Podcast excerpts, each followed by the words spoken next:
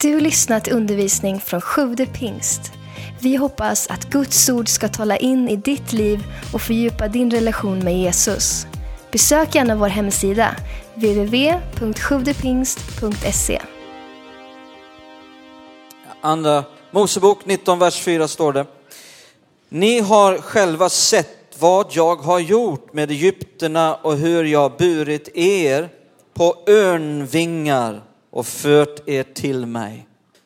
Här står det att Gud har fört Guds folket på örnvingar eh, när han förde dem ut ur Egypten och, så vidare.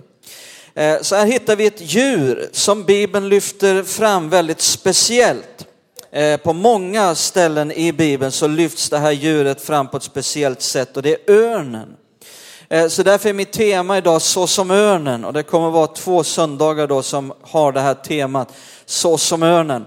Eh, där vårt liv tillsammans med Gud eh, liknas vid örnen. På 90-talet så såg jag det här väldigt tydligt hur Bibeln talar mycket om örnen och, och då började jag studera det här en hel del. Jag lånade hem så mycket böcker jag kunde hitta på biblioteket och läste på och studerade. Jag blev nästan en ornitolog på kuppen. Uh, och det var väldigt intressant. Jag vill dela lite grann här, titta i femte Mosebok. Det är framförallt två saker som jag vill lyfta fram i, idag. Det ena hittar vi här i femte Mosebok. Eh, det 32 kapitlet. Femte Mosebok Mosebok 32, vers 9 till 11 står det. Ty Herrens del är hans folk. Jakob är hans arvedels lott. Jakob är då ett namn för hela Israels folk. Han fann honom i öknens land, i ödsligt tjutande ödemark. Han omslöt honom och tog honom i sin vård. Han bevarade honom som sin ögonsten. Titta, nu kommer det. Liksom en örn väcker upp sitt bo och svävar över sina ungar. Så bredde han ut sina vingar och tog emot honom och bar honom på sina fjädrar. Ehm, så eh, någonting som är väldigt intressant är just att studera örnar. En väldigt, väldigt intressant fågel att studera.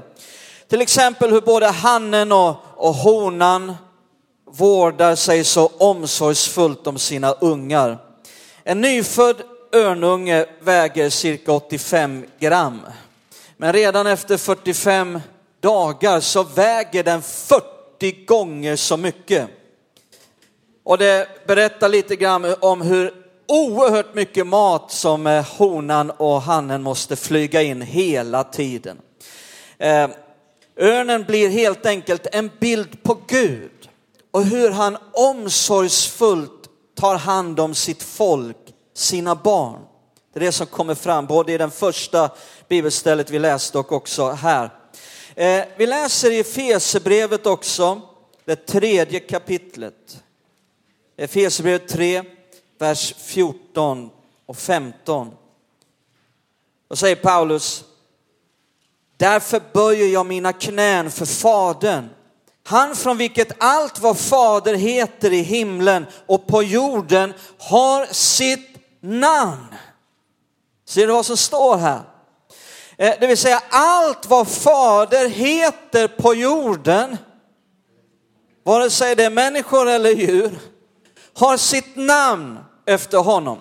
Det vill säga alla korrekta, alla goda föräldrakänslor har sitt ursprung i Gud, är skapade efter honom.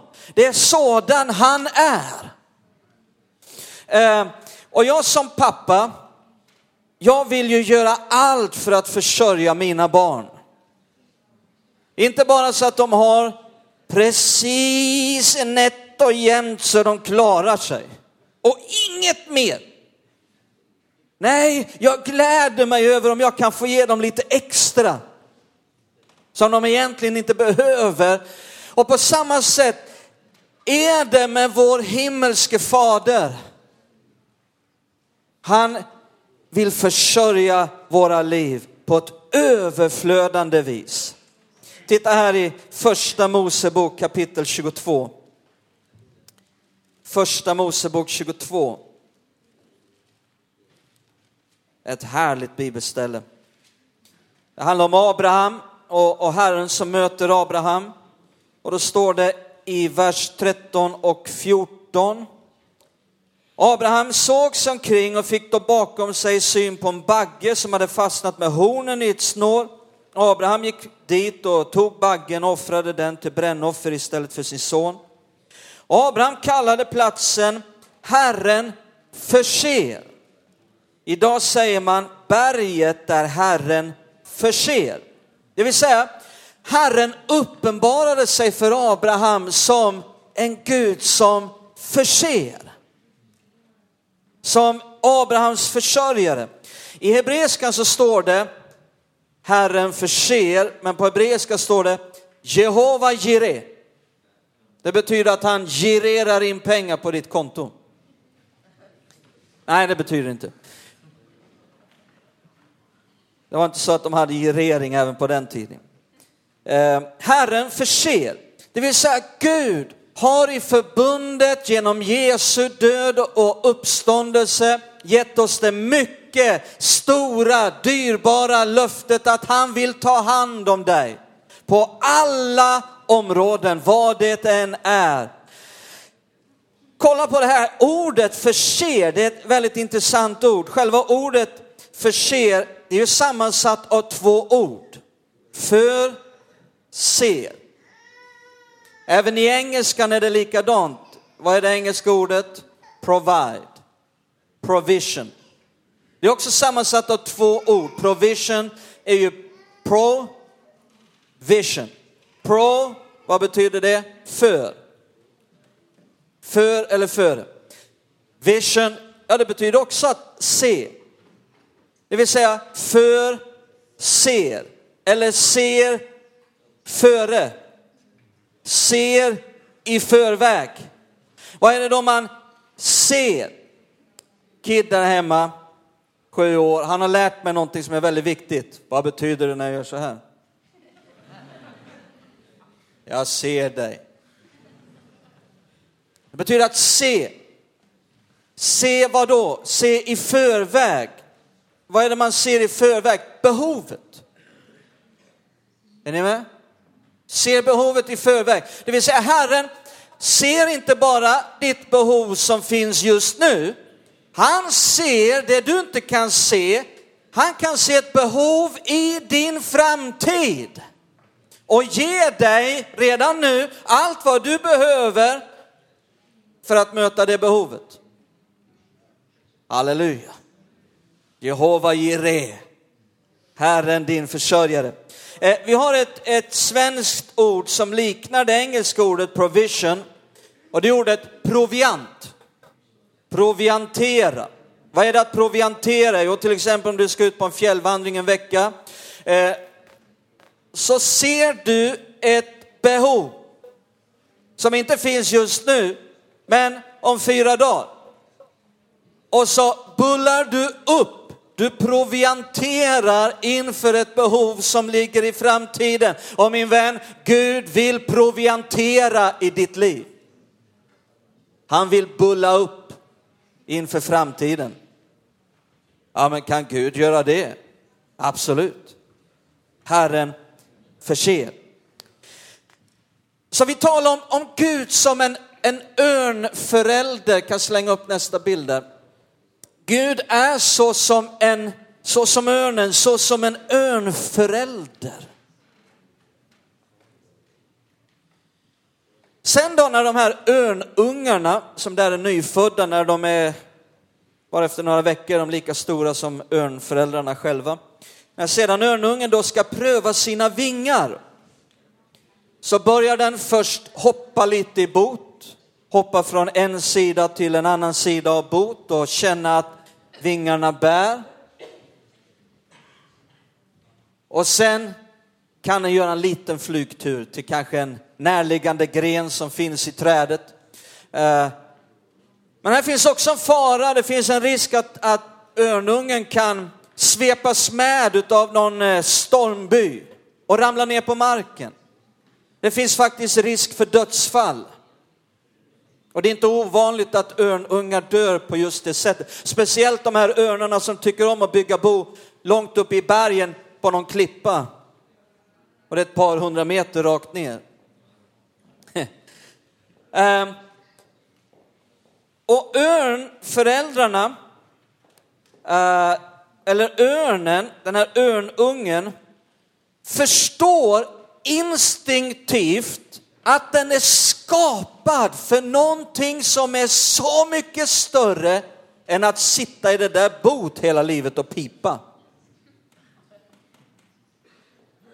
Men den måste, för att komma dit så måste den övervinna känslor av fruktan för att misslyckas och känslor av att det är så bekvämt här i bot. Och örnföräldrarna, de tittar mest på när de kör igång, ska lära sig flyga. Men zoologiska vetenskapliga studier har visat att ibland, om örnungen sitter där i bot i 11-12 veckor utan att göra ett enda flygförsök så kan det hända ibland att örnföräldern börjar flyga runt bot eh, hållandes mat i näbben. För att locka, på det här sättet locka örnungen till att flyga. Eh, och därför, så som örnen, sån är Gud, säger Bibeln. Eh, därför vill Gud ibland locka dig ur det bekväma. Få dig att göra saker som du inte är van vid för att du inte ska missa hela syftet med din existens.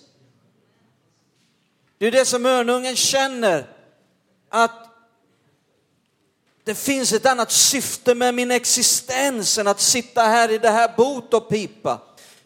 Det finns så mycket större. Och därför börjar den söka detta. Och, och, och Gud vill inte att du ska missa hela syftet med din existens.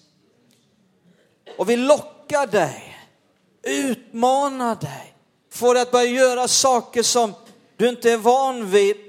Eh, men då kan du också behöva övervinna känslor av fruktan för att misslyckas. Nu när vi hade kickoffen och Staffan Hellström var här och också eh, Katrin Nygren på lördagen sa samma sak till oss. Det var som ett profetiskt budskap. Vad skulle ni göra om ni inte var rädda för att misslyckas? Så man kan behöva övervinna dessa känslor för att komma in i det där syftet med hela vår existens. Man kan också behöva övervinna känslor av bekvämlighet. Det är bäst och det är nog bra att ta det lugnt här och inte ändra på för mycket. Men Jesus, han var en expert på det. Han fick ur Petrus, han fick Petrus ur båten. och fick honom att göra det som var omöjligt. Och Gud vill få oss upp ur bebistillvaro, ungtillvaro.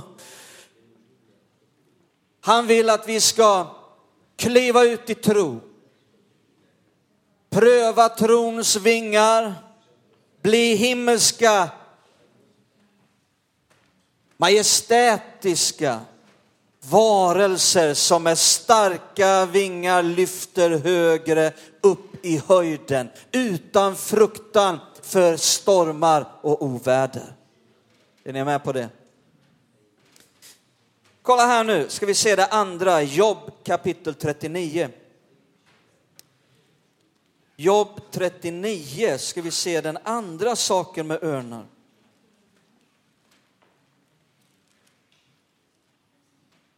Jobb 39 så läser vi vers 30 till 31.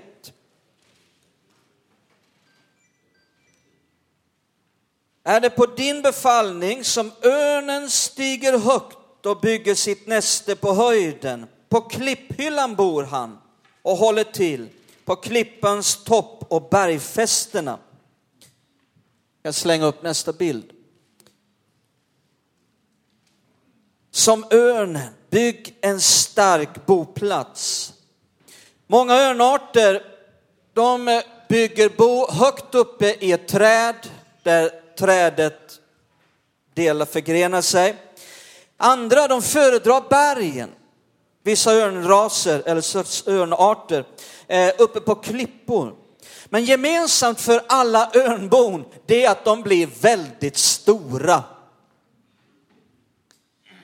Det här örnparet som lever faktiskt i parförhållande hela livet, de bygger år ut och år in på samma bo. Och många örnbon de väger därför flera hundra kilo. Rekordet på örnbo som man har hittat är ett som var tre meter brett, sex meter högt och vägde över två ton. Alltså det är inga små gräsandsbon vi talar om här. Som flyter iväg av minsta lilla översvämning. På samma sätt så kan vi bygga starka liv. Som inte, där vi inte flyter iväg av minsta lilla översvämning. Titta vad Jesus säger i Matteus 7. Matteus 7. Vers 24 till 29.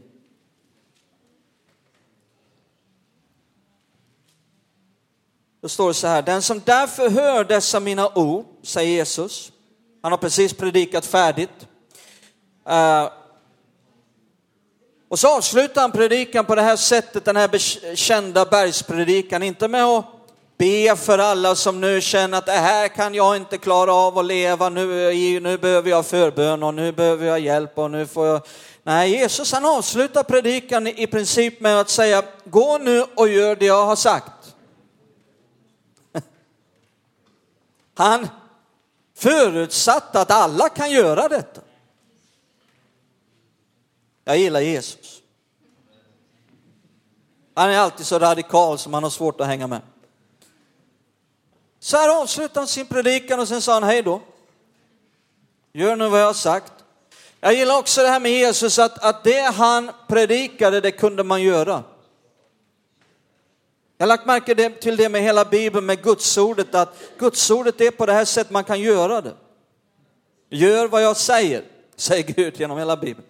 Alltså, eh, likadant när vi predikar, då behöver vi se till att folk kan göra det som predikas. För annars undrar jag om det är Guds ord vi predikar. Är ni med?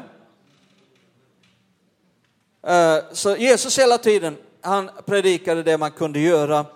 Eh, och så säger han här då, den som därför hör dessa mina ord och handlar efter dem, han liknar en förståndig man som byggde sitt hus på klippan.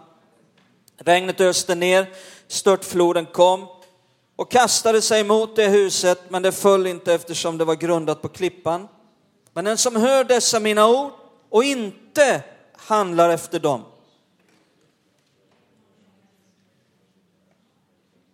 han liknar en dåre som byggde sitt hus på sanden. Regnet öste ner, störtfloden kom och vindarna blåste och slog mot det huset och det föll samman och dess fall var stort. När Jesus hade avslutat detta tal var människorna mycket förvånade över hans undervisning. Eh, så vad läser vi här? Jo, vi läser först av allt att stormen kommer till oss alla. Bara för att du lyder Gud eller vandrar i tro betyder inte att stormen inte kommer. Stormen kommer. Gör dig redo. Hur då? Jo, genom att bygga ditt liv på en stadig grund. Vi alla bygger hus. Visste du det? Vad är det för ett hus du då bygger? Du bygger ett liv.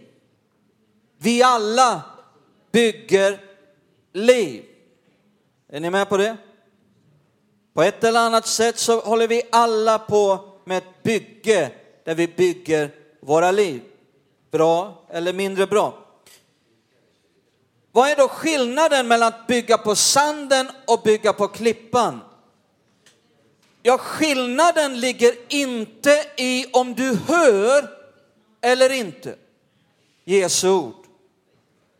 Den avgörande skillnaden ligger i om du gör vad Jesus säger. Att höra, det är att samla in byggmaterialet. Som när vi, jag byggde balkonger för ett år sedan. Då var man ju först tvungen att samla in byggmaterial. Men hur många vet att bara för att byggmaterialet ligger där så blir det inga balkonger? Eller hur? Ja, men nu har jag gjort det bra, kolla här vad jag har varit och köpt. Nu kan jag åka och göra något annat. Att höra, det är att samla in byggmaterialet, det är när du sen gör vad Jesus säger som du verkligen bygger och konstruerar ett liv som kan hålla och stå genom alla stormar. Enligt Jesus är det inte livets stormar som är orsaken till, lyssna noga på det här för det här är jätteviktigt att förstå. Enligt Jesus är det inte livets stormar som är den egentliga orsaken till om ett liv rasar ihop eller står. Om det hade varit så, då hade ju bådas liv rasat ihop. Om det var stormen som var orsaken, för den kom till de båda. När Jesus menar att, Jesus säger att den verkliga orsaken till om ett liv rasar ihop eller står handlar om att för det första höra vad Jesus säger. Har man inte hört någonting vad Jesus säger kommer man aldrig ha ett starkt liv. Att höra, men sen också göra vad Jesus säger.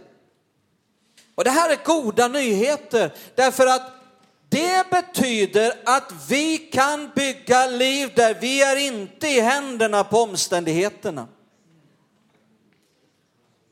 Det är goda nyheter, eller hur? En annan sak som örnen lär oss då, det här örnparet som bygger, det är att man behöver ge mycket tid hela tiden till att bygga. Precis som det är den där sagan som jag har berättat så många gånger för mina barn nu i snart, ja det är mer än 20 år. Jag älskar den där sagan. Det är min, en av mina favoritsagor. De tre små grisarna. Det är den mest bibliska sagan som finns. Alltså man tror ju att det är hämtat härifrån Jesaja kapitel 32, de tre små grisarna. Så bibliskt är det.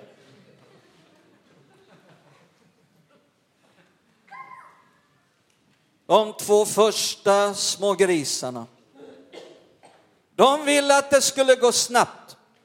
De rafsade till någonting som bestod av pinnar och grenar eh, eller plank. Och sen kom vargen och började blåsa och de här husen rasade ihop och det slutade med katastrof. Men den tredje lilla grisen, han tänkte att om jag ska kunna leva i trygghet och överleva, nej inte djävulen, vargens attacker, då måste jag ta tid. Jag måste vara noggrann.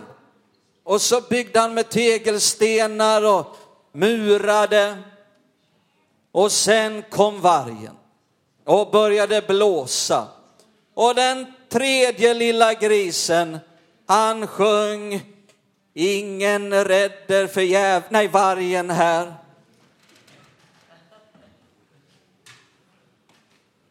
Alltså det är väldigt bibliskt.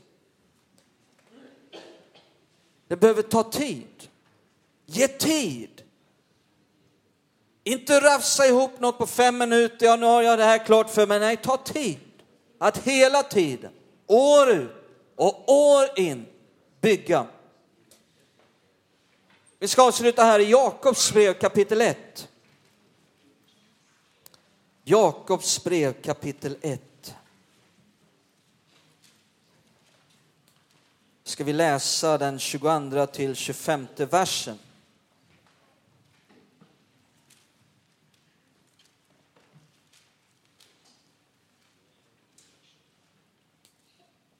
Då står det så här. Eh, var ordets görare, inte bara dess hörare, annars bedrar ni er själva. Lägg märke till vad det står där. Var ordets görare, inte bara dess hörare. Annars vad då? Vet du om att du kan bedra dig själv?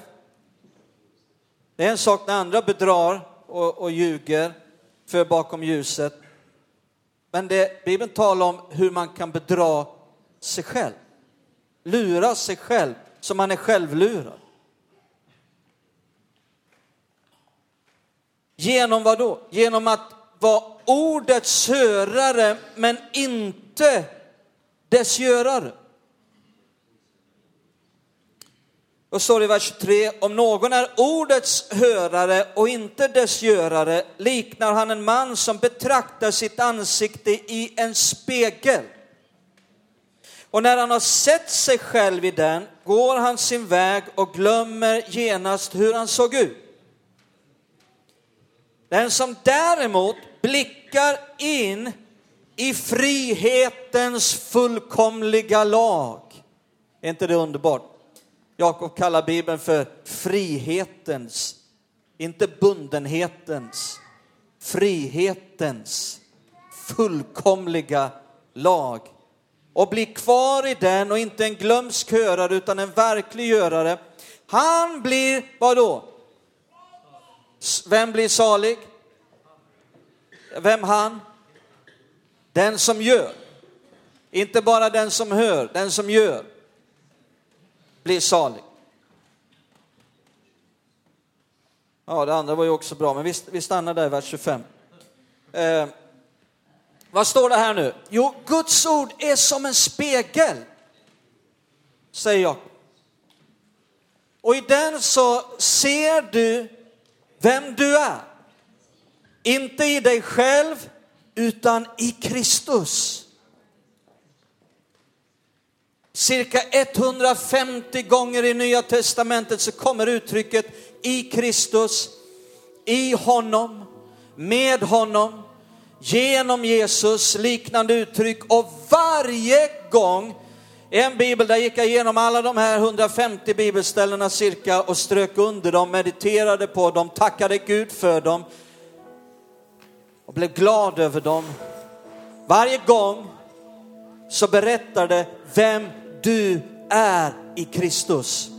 Och Gud vill att du ska kunna se på dig själv, inte i dig själv utan i Kristus. Vem du är i honom och börja agera, göra, leva i enlighet utifrån det du ser. Är inte det underbart? Här i Guds ordet så ser vi också saker som kan behöva korrigeras. Hur många såg det redan i morse när du tittade i spegeln? Jag såg massor. Jag såg bland annat att Vicky hade knyckt plattången och åkt till Stockholm. Vad ska jag göra nu? Men det blev väl hyfsat bra i alla fall. Man ser saker. Alltså jag kommer ihåg för många år sedan. Det var när jag hade, jag var ganska nyfrälst. Jag hade väl egentligen inte med det att göra, men jag, jag bodde i en studentlägenhet eh, i Örebro. Övre tonåren, måste ha varit 19-20. Eh, och så var det en favorit hamburgerrestaurang i Örebro. Jag åker ofta dit när jag åker genom Örebro, svänger av, ska in på Dejles.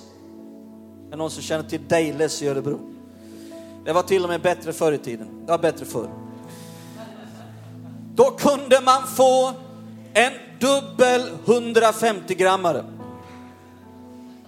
Det fanns ett annat ställe vid krämaren i Örebro, där kunde man få en trippel 150 grammare, det var bättre, men här kunde man få en dubbel med bröd emellan. Eh, nej, inte där. Det var här utanför Skövde, det var en trippel med bröd emellan. Den vägde 100, nej 1000 gram.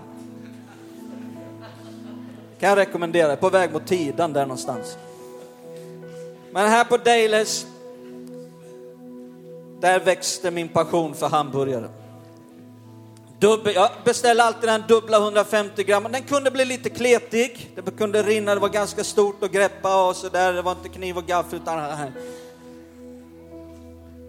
Och sen när jag ska gå därifrån, jag hoppar på buss 52 mot Brickebacken, då ser jag att alla busschauffören och, och alla tittar konstigt på mig.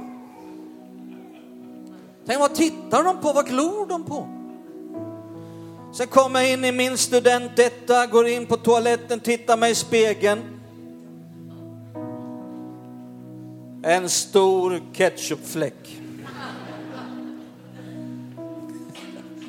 Då förstod jag. Och där fick jag ljuset. Där kunde jag se vad som behövde korrigeras. Eh, så man kan också se saker som behöver rättas till.